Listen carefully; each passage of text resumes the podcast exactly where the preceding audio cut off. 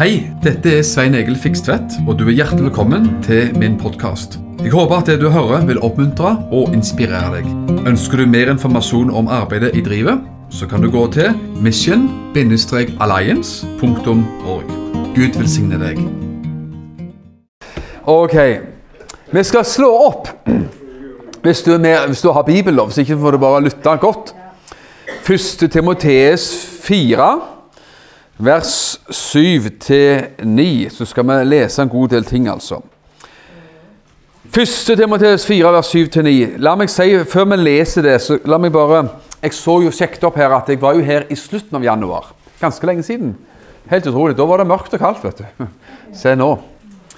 Og siden den gangen så har jeg vært mange steder, og um, jeg er så takknemlig for, uh, for de som er med og ber for uh, arbeidet, og de som er med og støtter og gir litt og sånt. Takknemlig. Jeg har vært i um, Siden den gang da, var også en tur i Israel, på sånn en konferanse der.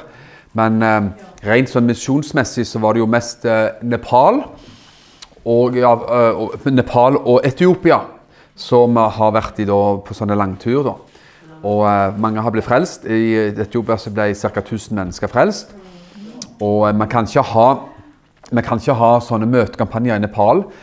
Uh, men der vokser Guds rike likevel. Så der skal man, altså Guds rike går fram. Noen sier at de to landene evangeliet går mest fram i, er nummer én Iran. Du hører ikke om det på nyhetene, muligens. Og Nepal. Og så er det masse andre plasser også. Så um, fantastisk. Og ingen av de plassene kan du ha møtekampanje. I hvert fall ikke Iran. Men det er noe med det når ilden spres. Altså, Det skal ikke mer enn én mann, kvinne i brann som får med seg én. Så du ser for deg en menighet som har 100 medlemmer på ett år. Hvis alle de 100 fikk én med seg, da vant man 100 mennesker til sammen det året. Sånn? Og så neste år, da, så er det, da er jo menigheten 200 medlemmer. Og neste år så er det 200 medlemmer som vinner hver sin person. Da er det 400. Og så blir det 800 og 1600, og så er det 3200. Og så er det 6004 osv.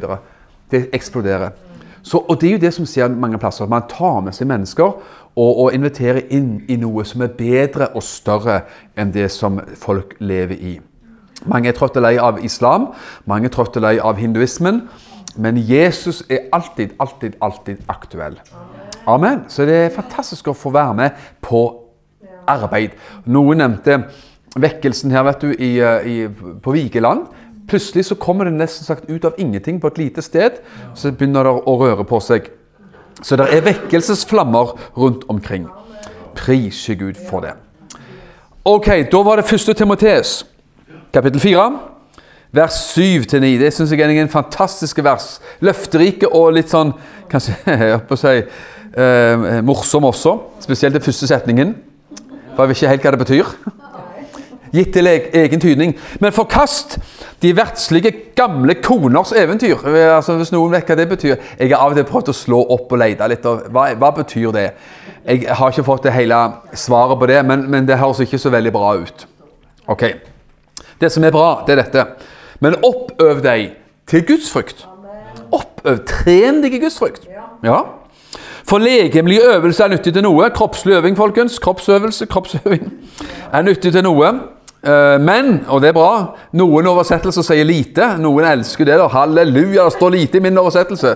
Og syns at det er knallsterkt. Men eh, ok, det er nyttig til lite eller noe. Det får du velge sjøl. Men her kommer det som er veldig bra. Guds frykt er nyttig til alle ting. Altså, Legemlige øvelser og å være i god form det har sin nytte, men det har en begrensning også. Men gudsfrykten den er nyttig til alle ting. Tenk på det. Det finnes et middel, det finnes en ting som, som duger til alt. Tenk hvis du kunne gå til butikken og kjøpe et universalmiddel som går til alle ting. altså. Altså, det, det, Du kan vaske med det, og du kan ikke, ja, alt, alt, mulig. Altså, du bruker oppi, oppi maten, kanskje. Ja, ja. Det er jo sånn som eddik, det. Det, det duger til nesten alt. Men her er det noe som er viktigere. Gudsfrykt. Gudsfrykten er nyttig til alle ting, står det.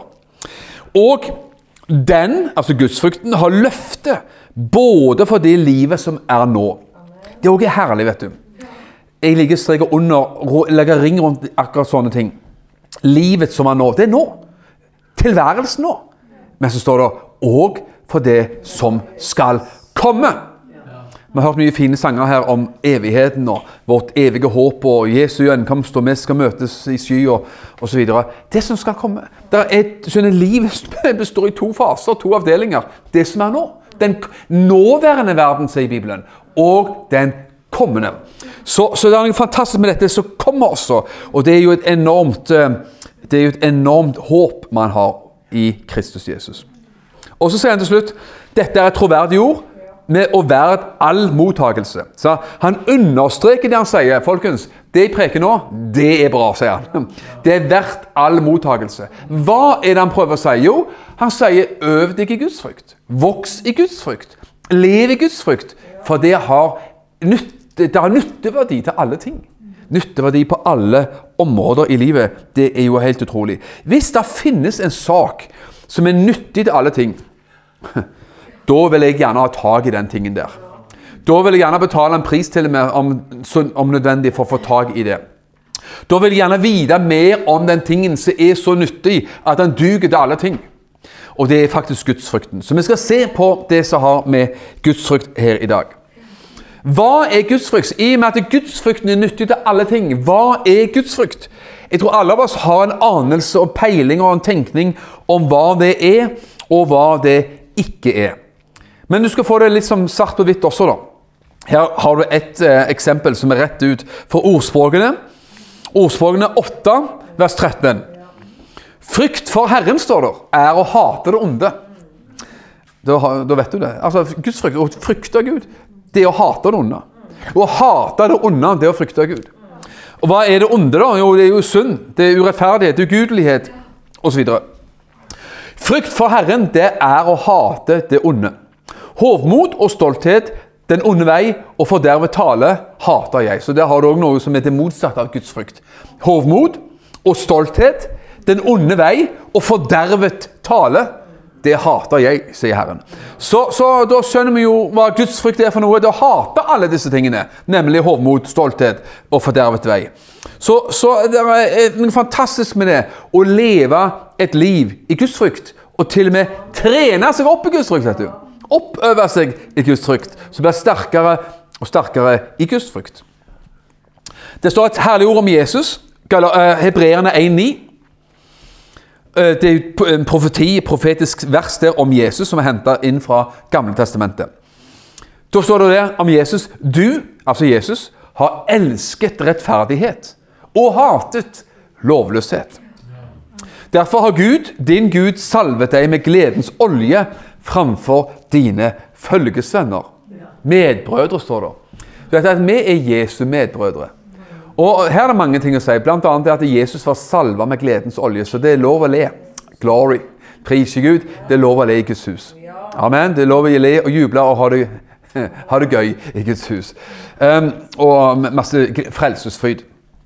Altså, Jesus var salva med gledens olje framfor sine medbrødre og følgesvenner. Så, så, så, vi er i skaren til Jesus. Så, men han, den mest glade er Jesus. Altså. Han, han, overgår oss. Han, han, han er nummer én på glede. Han var salva med gledens olje. Og hvorfor? Fordi du har elsket rettferd og hatet urett.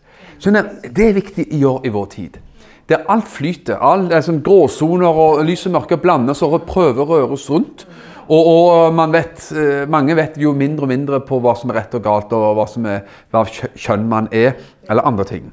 Så er det jo noe herlig med Jesus at han elska det som var godt. Det som var lyst. Det som var bra. Jesus elska det.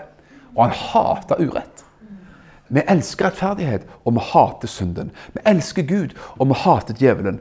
Vi elsker de ting som har med Guds rike å gjøre, og vi fordrar ikke de ting som har med Satan å gjøre. rett og slett en sånn sort-hvitt tenkning på disse tingene er veldig, veldig viktig. Vi skal få mange vers her i dag. Høytlesning fra Skriften står det om. Ordspråkene 23, 17-18, det er et sånn nydelig vers. Ordspråkene 23, vers 17-18. Ditt hjerte skal ikke misunne syndere, men vær nidkjært i Herrens frykt hele dagen. La hjertet være nidkjært for Herrens frykt hele dagen. Så hva er det du holder på med hele dagen lang? Du, du brenner for Herrens frykt. Halleluja. Frykter Frykte Gud dagen lang. Vær ikke nidkjær mot syndere, ikke misunn syndere, men brenn for Guds frykt hele dagen. Frykt Gud dagen lang, fra morgen til kveld. Vær nidkjær for de ting som har med Gud å gjøre. Vær brennende for de ting som har med Gud å gjøre.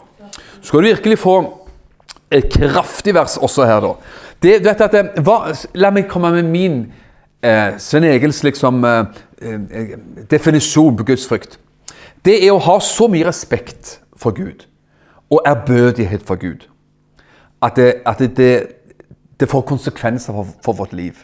Jeg respekterer Gud så mye at det får konsekvenser for livet mitt. Det skaper noe. Det er ikke bare en tørr teori eller trosteori, men det, det borer liksom inn i mitt liv og setter en retning for mitt liv. Frykt for Gud er jo ikke at man er redd på en feil måte. Det står med at i Roman 8 du har ikke fått trelldommens ånd, så du skulle frykte. Men fått barnekårets ånd. Så det betyr jo ikke at vi er redd for Gud på den måten, men det er en ærbødighet for Gud. Respekt for Gud. Det er noe helt annet. Vi har et fortrolig forhold til Gud. Men vi driver ikke og fjaser og tuller og vaser om Gud som sådan. Vi har respekt for Gud. Vi har respekt for de ting som er hellig, for Gud er faktisk hellig. Nå skal du få det virkelig saftige verset her, altså. Det er kraftig. Matteus 10, 28 til 31. Matteus 10, 28 til 31. Og frykt ikke for dem som dreper legemet, men som ikke kan drepe sjelen. Det er ord som passer inn i mange sammenheng. Altså, frykt ikke mennesker, med andre ord. Og så kommer Jesus med en meget bra forslag. Frykt heller ham, sa han. Frykt heller ham som er i stand til å ødelegge både sjelen og legemet i helvete. Blir ikke to spurver solgt for en koppermynt, og ikke én av dem faller til jorden uten deres fars vilje? Men til og med alle hårene på hodet deres er telt. Frykt derfor ikke. Dere er mer verdt enn mange spurver. Her sier Jesus at det er noe man ikke skal frykte, og så er det én man skal frykte. Frykt ikke mennesker. Frykt ikke de som kan slå i hjel legemet ditt. Sånne mennesker kan forfølge oss, i verste fall, og slå i hjel kroppen vår, men de kan ikke slå i hjel sjelen. De kan ikke slå i hjel vårt indre liv, vår tro og vår ånd. De kan ikke, de kan ikke ta fra oss frelsen. Amen. Så vi, vi frykter, vi oppmuntres til å ikke frykte mennesker på så radikalt vis. Frykt heller Gud, sier Jesus. Frykt heller Ham som er i stand til å kaste mennesker i fortapelsen, i helvete. Og Da har jeg lyst til å oppsummere og si sånn Hva er det man skal frykte, eller hva er det man kan frykte for noe? Du og meg, vi kan frykte djevelen, tydeligvis. Og alt det han står for. Alle, vi vet jo at vi kan frykte Satan. Det trenger man faktisk ikke gjøre. Og vi kan frykte mennesker. Det sa Jesus at vi ikke skulle gjøre, men det, går, det betyr jo at det går an å frykte mennesker. Bibelen snakker om det også. Eh, profeten eh, Det vil si Saul, vet du, og i sin, i sin dialog med profeten Samuel så sier jo han at det, av folket, av press fra folket Jeg frykta folket. De maste, de pressa meg til at vi ikke skulle lyse alle ting i bann. Og Da ble jo profeten Samuel ganske rasende. Og, og dom kom jo over kong Saul og sa at vi bytter deg ut. vi finner en annen kar som, kan bære, som er bedre enn du. Ikke? Så, så Saul han ga etter for folket og frykta for folket. Også Pontius Pilatus gjorde jo det. Når folk ropte 'korsfest, korsfest', så, så vaska han to av sine hender og sa at jeg, jeg, liksom, jeg sjekker ut av denne saken her. Men det var han som hadde makt. Nå var det en del av mildt sagt frelsesplanen da, at Jesus skulle dø for oss. Det er selvfølgelig det viktigste. Men vi kan altså frykte djevelen, vi kan frykte mennesker, eller vi kan frykte Gud. Og mitt eh, sterke forslag her i dag det er at vi lærer oss til å frykte Gud. At vi vokser i Guds frykt. Jeg synes det, det ikke bare syns, jeg mener veldig sterkt til at det er så kolossalt viktig til å lære oss å frykte mennesker. Dess mer vi frykter Gud, dess mindre vil vi frykte mennesker. Altså Jeg har sånn respekt for Gud, hans vei, at jeg kjenner at det setter retning for mitt liv. At, og, og, da er det sånn at når menneskers vilje, eller til og med menneskers trusler, reises opp imot oss og skaper frykt vet, statsledere eller mennesker, samme hvem de er. Det kan være på nabolaget, familie, på arbeidsplass eller hvor som helst. Veldig mye ordnes, regjerer i frykt. Man kjenner på frykt, og så bøyer man av. Men hva med å være så trygg i Gud? Trygg i Gud! Og frykte Gud, for det passer veldig godt sammen. Som gjør at det, det som mennesker står opp for og vil, det preller mer og mer av. Det står det, nå tar jeg det på, for jeg har ikke på notatene, men jeg tror det står i Hebreene 13, eh, noen få vers der sånn, at la deres ferd være fri fra pengekjærhet, og være fornøyd med det dere har, for han har sagt, jeg skal ikke slippe deg eller forlate deg. Derfor kan jeg tillitsfullt si, Herren er min hjelper. Herren er min hjelper. Jeg sier med tillit til Gud, Herren er min hjelp og hjelper. Hva kan da et menneske gjøre meg? Amen. Så det er noe med det at stole på Gud, frykte Gud, og veier det opp mot menneskefrykt, så veier frykten for Gud mye, mye tyngre i våre liv. Vi ledes av Guds frykt, og vi ledes ikke av menneskefrykt. Og heller ikke frykt for Satan og de onde maktene. Det er veldig viktig. Hør her. Det står så mye om disse tingene i Bibelen at det er nesten helt vilt og sprøtt. Ordspråkene er fantastiske. Ja. Ordspråkene 29-25. Altså ordspråkene det er det gullkorn. Menneskefrykt fører i snare. Frykter du mennesker og ledes av det, det fører deg i snare. Jeg syns jeg hørte en sang her i dag. 'Snaren er sønder'. Men den som stoler på Herren, skal være trygg. Her har du igjen, vet du. Menneskefrykt eller trygghet i Gud. Menneskefrykt fører snare, men den som stoler på Herren, skal være trygg. Skulle høre 1978-oversettelsen, for den har et fin sånn versjon her. Den som frykter mennesker, setter feller for seg selv. Tenk å være så dum at man setter opp en felle, så ramler man sjøl i fella. Vi må ikke sette feller for oss sjøl, snarere for oss sjøl. Er at vi frykter mennesker og ikke Gud. Det er en kar som vi kjenner godt, som sa dette. En prest, faktisk. Som, en bra kar. Han, når, Den norske kirke vedtok vigsler av eh, to menn og to kvinner og sånt, så meldte denne presten seg ut av kirka, faktisk. Og, og, eh, på den måten ble tatt fra alle sammen presterettigheter og ditt og datt. Han sa menneskefrykt er dødens vei, sa han. Og han tok konsekvenser av det sjøl også, da. Menneskefrykt er dødens vei. Apostelens gjerninger 4,19 sier til 20 Men Peter og Johan de fikk forbudet mot å forkynne evangeliet. og Da kommer disse her legendariske ord vet du, av Peter og Johannes. Du kjenner de.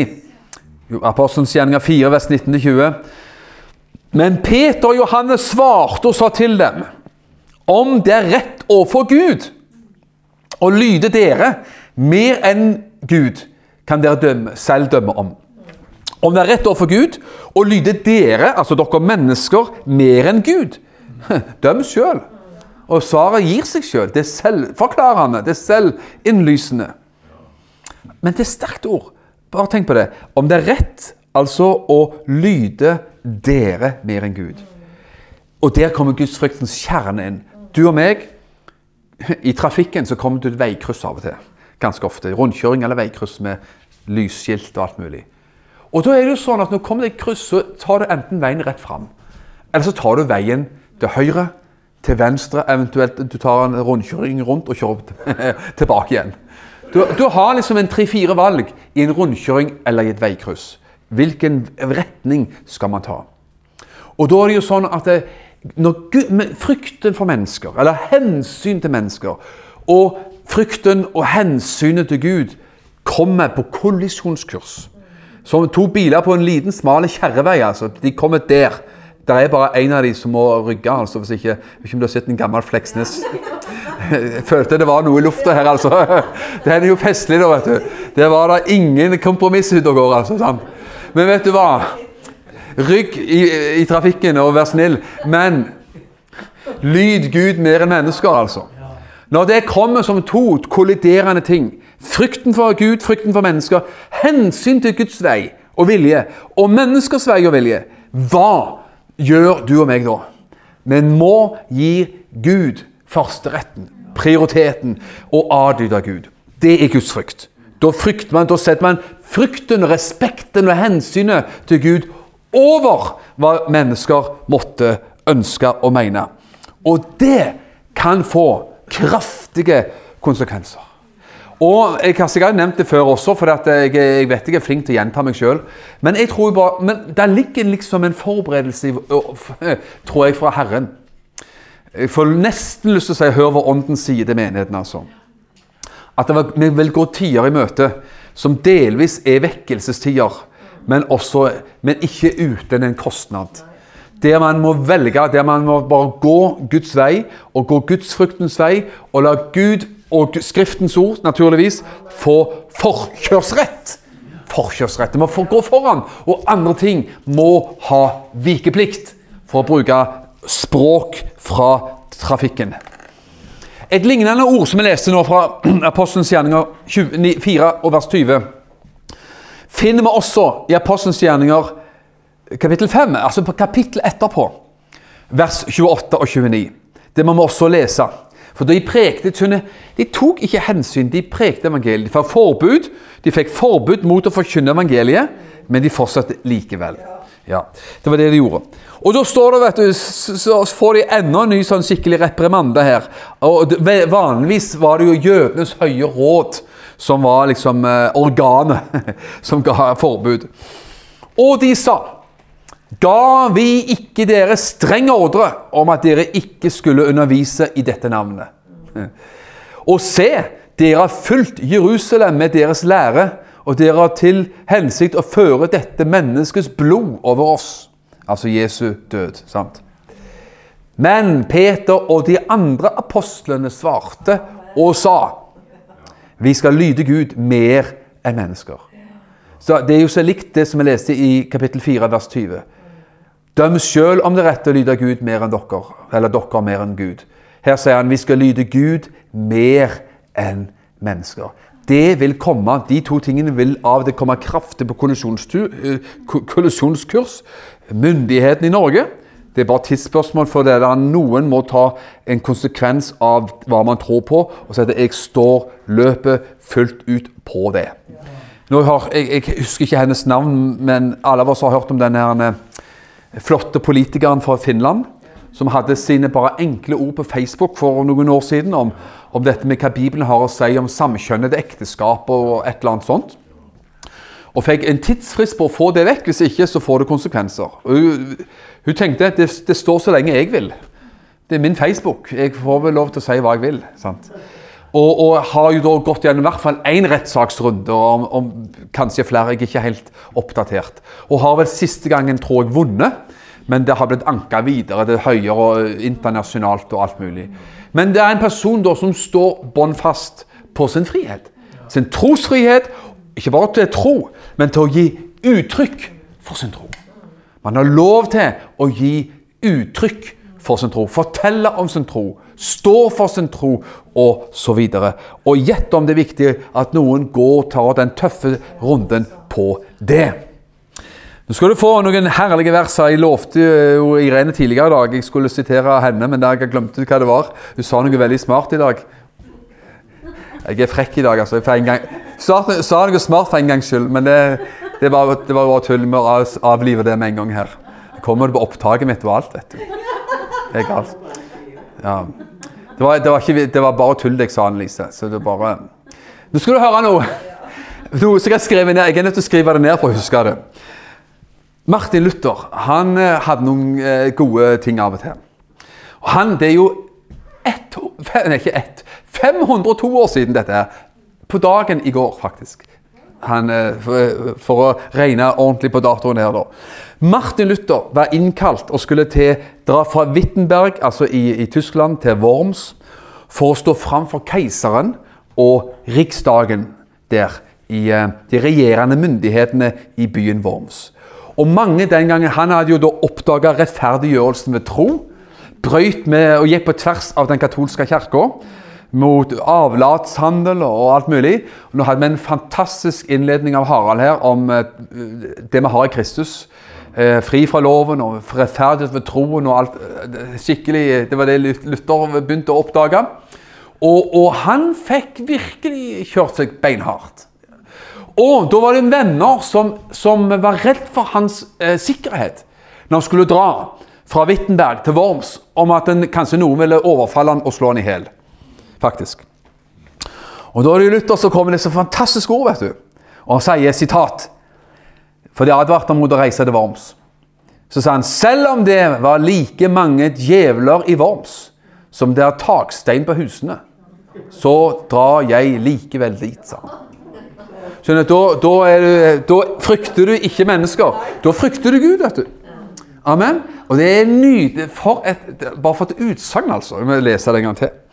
Selv om det var like mange djevler i Worms som det er takstein på husene, og det var nok ganske mye takstein, vil jeg likevel dra dit. Kolossalt viktig. Og så står han framfor da, de høye herrer i, i byen Worms, og det var 18. april. I dag er det 19. april. 1521, så det er 500 og, eh, ja, Var det ikke 523 år siden jeg sa hva i all verden? Ja. 500 502, takk. Ja, Skal ikke rote mer. Da skal jeg lese litt mer, for dette, det er sterke saker, det som han sier her. Da Da kom han etter han ble bedt om og, og lagt fram for at du Vær så snill og trekk tilbake din tro. eh, Kompromiss. Kom inn i, i den katolske kirkes eh, tro og liv og lære og fold igjen. Men det passet ikke for Luther, og det kan vi være glad for. Da kom Luther altså med den kjente erklæringen fra Worms i det 18. april 1521. Ettersom Deres aller høyeste majestet og Deres høye herrer krever av meg et klart, enkelt og bestemt svar, så vil jeg gi et slikt, og det er dette, sier han. Og så kommer svaret. Jeg kan ikke la min tro underkastes verken paven eller noe kirkeråd, fordi det er klart som dagen at de ofte har tatt feil og sagt hverandre imot. Hvis de derfor ikke kan bli overbevist av Skriftens vitnesbyrd, eller ved de klareste grunner, dersom vi ikke blir overbevist ved hjelp av de skriftsteder jeg har sitert, og dersom de således ikke binder min samvittighet med Guds ord, så kan og vil jeg ikke tilbakekalle, for det er farlig for en kristen å tale imot sin samvittighet. Hvis jeg ikke kan finne min overbevisning fra Skriften Jeg bygger min overbevisning på Skriften, sier han. Og ut fra det jeg ser i Skriften, på grunnlag av det, så kan jeg ikke tilbakekalle det som jeg står for. Det er det han sier. Amen. Og så kommer disse virkelig saftige ord som du har hørt mange ganger. Det er herlig. De ordene der skal komme til heder og verdighet igjen. Og så sier han til slutt Her står jeg og kan ikke annet. Gud hjelpe meg. Amen. Ja, det var så bra sagt at jeg må si det en gang til. Her står jeg. Jeg kan ikke annet. Gud hjelpe meg. Amen. Han hadde noe bra òg, denne her Luther. Dessverre hadde han noen mørke sider angående jødene, men det, det får vi ta, ta han på en annen gang. Men vet du hva, det er en sang vet du, som han har skrevet, som er også sterk. vet du. Vår Gud, han er så fast en borg. Det er mye luthersk forkynnelse her i dag. Men alle versene er jo kraftig kost, altså. Sterk kost. Som er bare fantastisk. Nå skal jeg lese ett av de versene der, for dette, jeg synes at det, det, passer inn her i dag. Um, og Det er jo kanskje det midterste verset omtrent i, i denne her fine, fine sangen, hvor Gud er så fast en borg. Og Han skrev jo den sangen i denne tidsperioden. Og Da sier han i sangen Om verden full av djevler var, som ville oss oppsluke. Vi frykter ei, vi med oss har, den som Guds sverd kan bruke. Er verdens første vred og vil oss støte ned. Han ingenting formår, fordi alt dømt han går. Et Guds ord kan ham binde. Et Guds ord kan ham binde. Det gjelder også i dag. At et Guds ord kan djevelen binde. Verdens første vred og vil oss støte ned, Det er jo det som er tilfellet. Men han ingenting formår. Det fantes, det var sånne, Denne sangen er jo sånn en kampsang, altså. Som snakker om Guds kraft og Guds allmakt, og at det er i det så vil vi vinne de slag som trengs å vinnes i Guds fryktens navn. Leve et liv i Guds frykt. Det er bare som en verdi, som en prinsipp, som en trosinnstilling, sier at jeg holder Skriften som den øverste autoritet. Punktum. Den er den øverste autoritet for liv og for lære. Og det å tro på Skriften og følge den Herre Jesus Kristus, det er min glede. Jeg håper å medgang og motgang. Det han har uh, gitt vårt liv til og bundet vår samvittighet til. Det er så kolossalt viktig. Vi skal snart um, skal i hvert fall følge med på klokka, i det minste. Det der finnes noen folk i Bibelen som frykter Gud. Og Vi har jo lest allerede ordspråkene, og vi har lest litt fra Paulus og vi har lest det ene og, og det andre. Når, når, Abraham i Bibelen skulle ofre sin sønn Isak, så er det litt av en historie. Abraham hadde venta i mange år på å få sin løftesønn, som Gud hadde lovt og lovt og lovt og lovt igjen og igjen. Og igjen. Og sagt at, at du skal bli et folk, Abraham, fra en sønn du får med Sara, og ikke med Hagar i dette tilfellet her. sånn. Og så Når sønnen kommer til verden og sønnen vokser opp eh, noen år, så sier Gud til, faktisk til, til Abraham at nå skal du dra til Moriafjellet og ofre sønnen din. Moriafjellet er jo Jerusalem. Interessant. Ingenting er tilfeldig i Bibelen. Tenk det, at Der ble altså Abraham bedt om å ofre sin sønn Isak.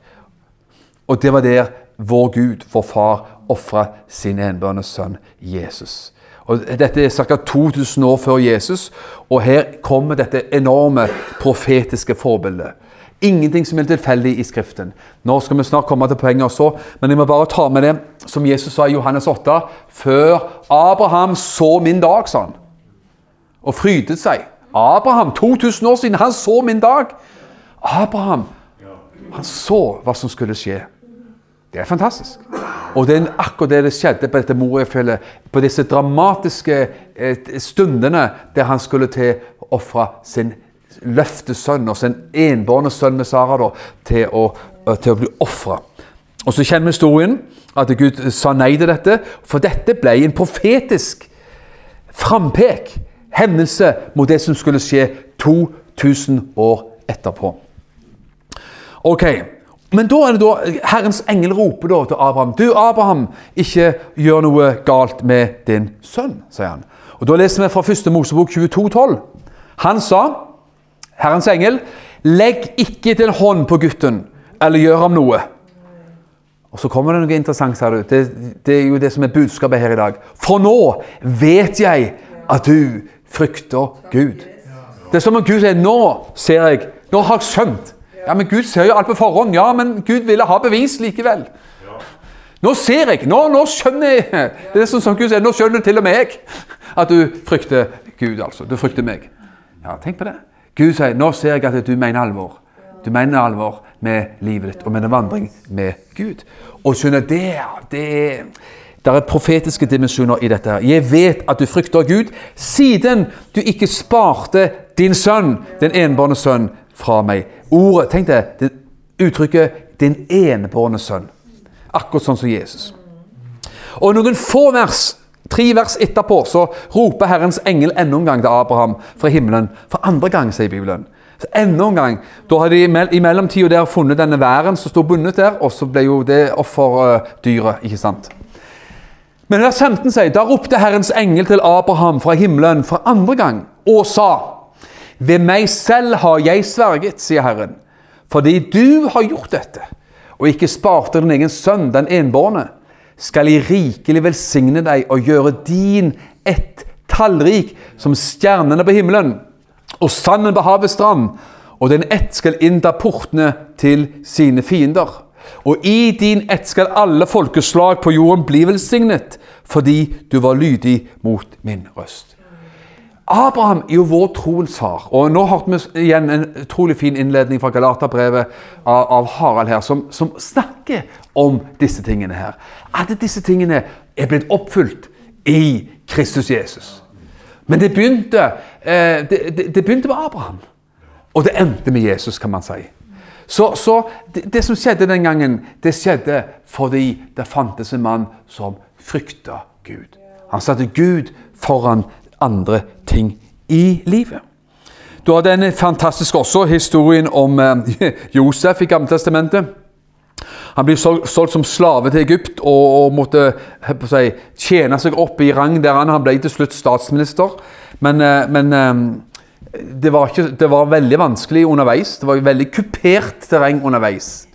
Og En av de greiene som er interessant, det er jo det at når han da, kona til Potifar legger an på Josef og vil ha seksuell omgang med han, så er det jo sånn at da du kjenner du til historien. Han river seg løs. Hun klarer å holde, rive litt kappeflik fra kappen hans og bruker det mot, mot ham. Og så at han prøvde, det var han, det var han som prøvde seg, det var ikke meg. Det var det hun sa. Men da sier Josef noe midt i det. Når hun prøver så godt hun kan å friste han til synd, så sier han noe utrolig. Første Mosebok 39,9. Han sier Hvordan kan jeg da gjøre en så stor ondskap og synde mot Gud? Det var hans opplegg. Han frykta Gud. Han sa at eh, han kunne sikkert brukt mange argumenter for til og med å, å falle i synd. Men han sa at jeg kan ikke gjøre en sånn synd imot Gud. Han var bundet til Gud. Samvittigheten, verdiene i livet hans var bundet til noe større enn seg sjøl. De første kristne La oss gå tilbake når vi skal lande snart også. De første kristne Interessant vers. Um, 9.31, Apostelens gjengen 9.31. Menighetene over hele Judea, Galilea og Samaria hadde nå fred og ble oppbygget. Det kom plutselig en litt sånn fredelig periode. Det var jo rett etter Paulus var frelst, så det kan jo at når, når den store forfølgeren Paulus endelig var, liksom, eh, var blitt frelst, så ble det rolig i området. Da står det at de hadde fred, og så står det og ved at de vandret i Herrens frykt og i Den hellige ånds trøst, ble de stadig flere. De vandra i Herrens frykt. Menigheten vandra i Guds frykt. Det står mange plasser, også i Apostelens gjerninger 9, nei, 2.43. Jeg skal bare jeg tar ikke slå det opp sånn, jeg skal gjøre det fort. Men det står at da kom det frykt over hver sjel. står der. Amen det var at de, de hadde holdt seg trofaste bønnene, trofaste brødsbrytelsen, trofaste til, til, til eh, apostlenes lære. ikke sant? Og så står det da kom det frykt over hver sjel. Altså undervisningen, det å pleie gudslivet. Da kom det frykt over hver sjel. Og det er jo ikke en dårlig frykt, det er ikke en negativ frykt. Det er jo en ærbødighet for Gud, respekt for Gud, som trenger å sitte fast i våre liv, altså. Prise Gud, og vi trenger altså å leve ut de tingene der sånn. Gudsfrykten den gjør utrolig mye. Jeg tror ikke jeg skal ta mer enn um, ett vers til. Andre kor 5-9 til 11. Andre Korinterbrev, kapittel 5, vers 9-11. Jeg leser bare en liten, liten uh, linje der. Når vi da kjenner frykten for Herren, overtaler vi mennesker. Sagt kanskje på en lettere måte. Når vi kjenner frykten for Herren, søker vi å vinne mennesker. Altså, Gudsfrykten gjør noe med våre liv. Gudsfrykten gjør noe med, med våre liv og regulerer våre liv på en veldig veldig sterk måte. Og Derfor er det jo sånn at eh, om du ikke har eh, en vakker dag, si, når du og meg står til rettes for våre liv innenfor kanskje myndighetene i et annet land, i vårt land, i Norge, hvor som helst, så til syvende og sist må vi si at det, dette kan ikke jeg stå for. For det strider imot min tro.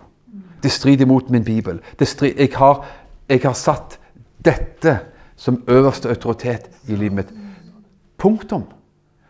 Intet mer å forklare, intet mer å forsvare, intet mer å diskutere. Dette har den øverste autoriteten i mitt liv. Det er ikke noe mer å diskutere. Og da er det mennesker i verden i dag som betaler en veldig høy pris for en sånn, sånn tenkning og en sånn gudsfrykt. Og den prisen den jeg også tror jeg kommer til å også skje hos oss, altså. Den ene røveren på korset vi har nettopp feiret påske. To røvere hang en på hver side av Jesus. En spotta Jesus vet du, og sa 'frels deg sjøl' og 'stig ned av korset'. om Brukte de siste minuttene i sitt liv til å spotte Jesus. Da våkner plutselig, om du vil, den andre røveren og refser kameraten sin. Og sier 'Frykter du ikke Gud engang nå?' sier han. Da begynner han å snakke om Guds frykt. De, de fortjente sin dødsstraff, begge to. De var kriminelle folk som, som fikk sin straff. Men da sier han, 'Frykter du ikke Gud engang når du ser at du er under samme dom?' Så da sier han, 'Hallo, våkne opp! Du må frykte Gud.' Og så vet vi jo hva denne mannen da ber om. Han sier, 'Tenk på meg når du kommer i ditt rike', sa han. Så da ber han sin enkle, lille bønn til Jesus om nåde. Han fikk ikke nåde av romerne. Han fikk ikke nåde å komme ned av korset.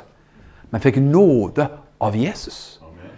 Han kom ikke ned fra korset, han kom ikke ned av korset, men han dro opp til himmelen i stedet for. Han fikk opprykk. Pris til Gud. Amen. Så det, det, og det var fordi han frykta Gud. Og han ba om nåde. Og han etterlyste gudsfrykt hos han andre. Frykter ikke Gud engang nå? Det forundrer meg veldig. Jeg må si det. Mennesker, eldre mennesker som er på slutten av sitt liv Fordi at eh, dagens unge vokser opp med lite gudsfrykt. Lite undervisning, kristendomsundervisning på skolen. De vet ingenting snart. sant? Men du og meg har vokst opp en del ting. sant?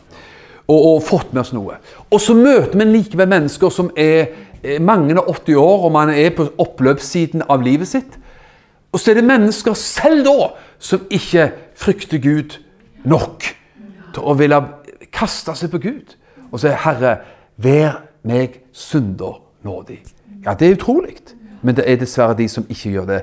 Samtidig er det også de som nettopp eh, som uh, gjør det, og som man trenger å vinne inn. Og fantastisk med mange her som også har vært med på å, å sunge mennesker inn i himmelen på sykehjemmet osv. Så sånn. Det er fantastisk. Pris Gud. Og dere hørte også tidligere eh, Sara som var her en gang for en stund siden og fortalte om hvordan hun også har blitt brukt på sykehjemmet til å be mennesker inn i evigheten, inn i himmelen. Det er fantastisk. Men eh, i dag var det altså gudsfrykt men eh, skulle, ville ta opp og fram her i dag. Takk for at du har lytta til denne podkasten. Jeg ønsker deg en velsigna god dag.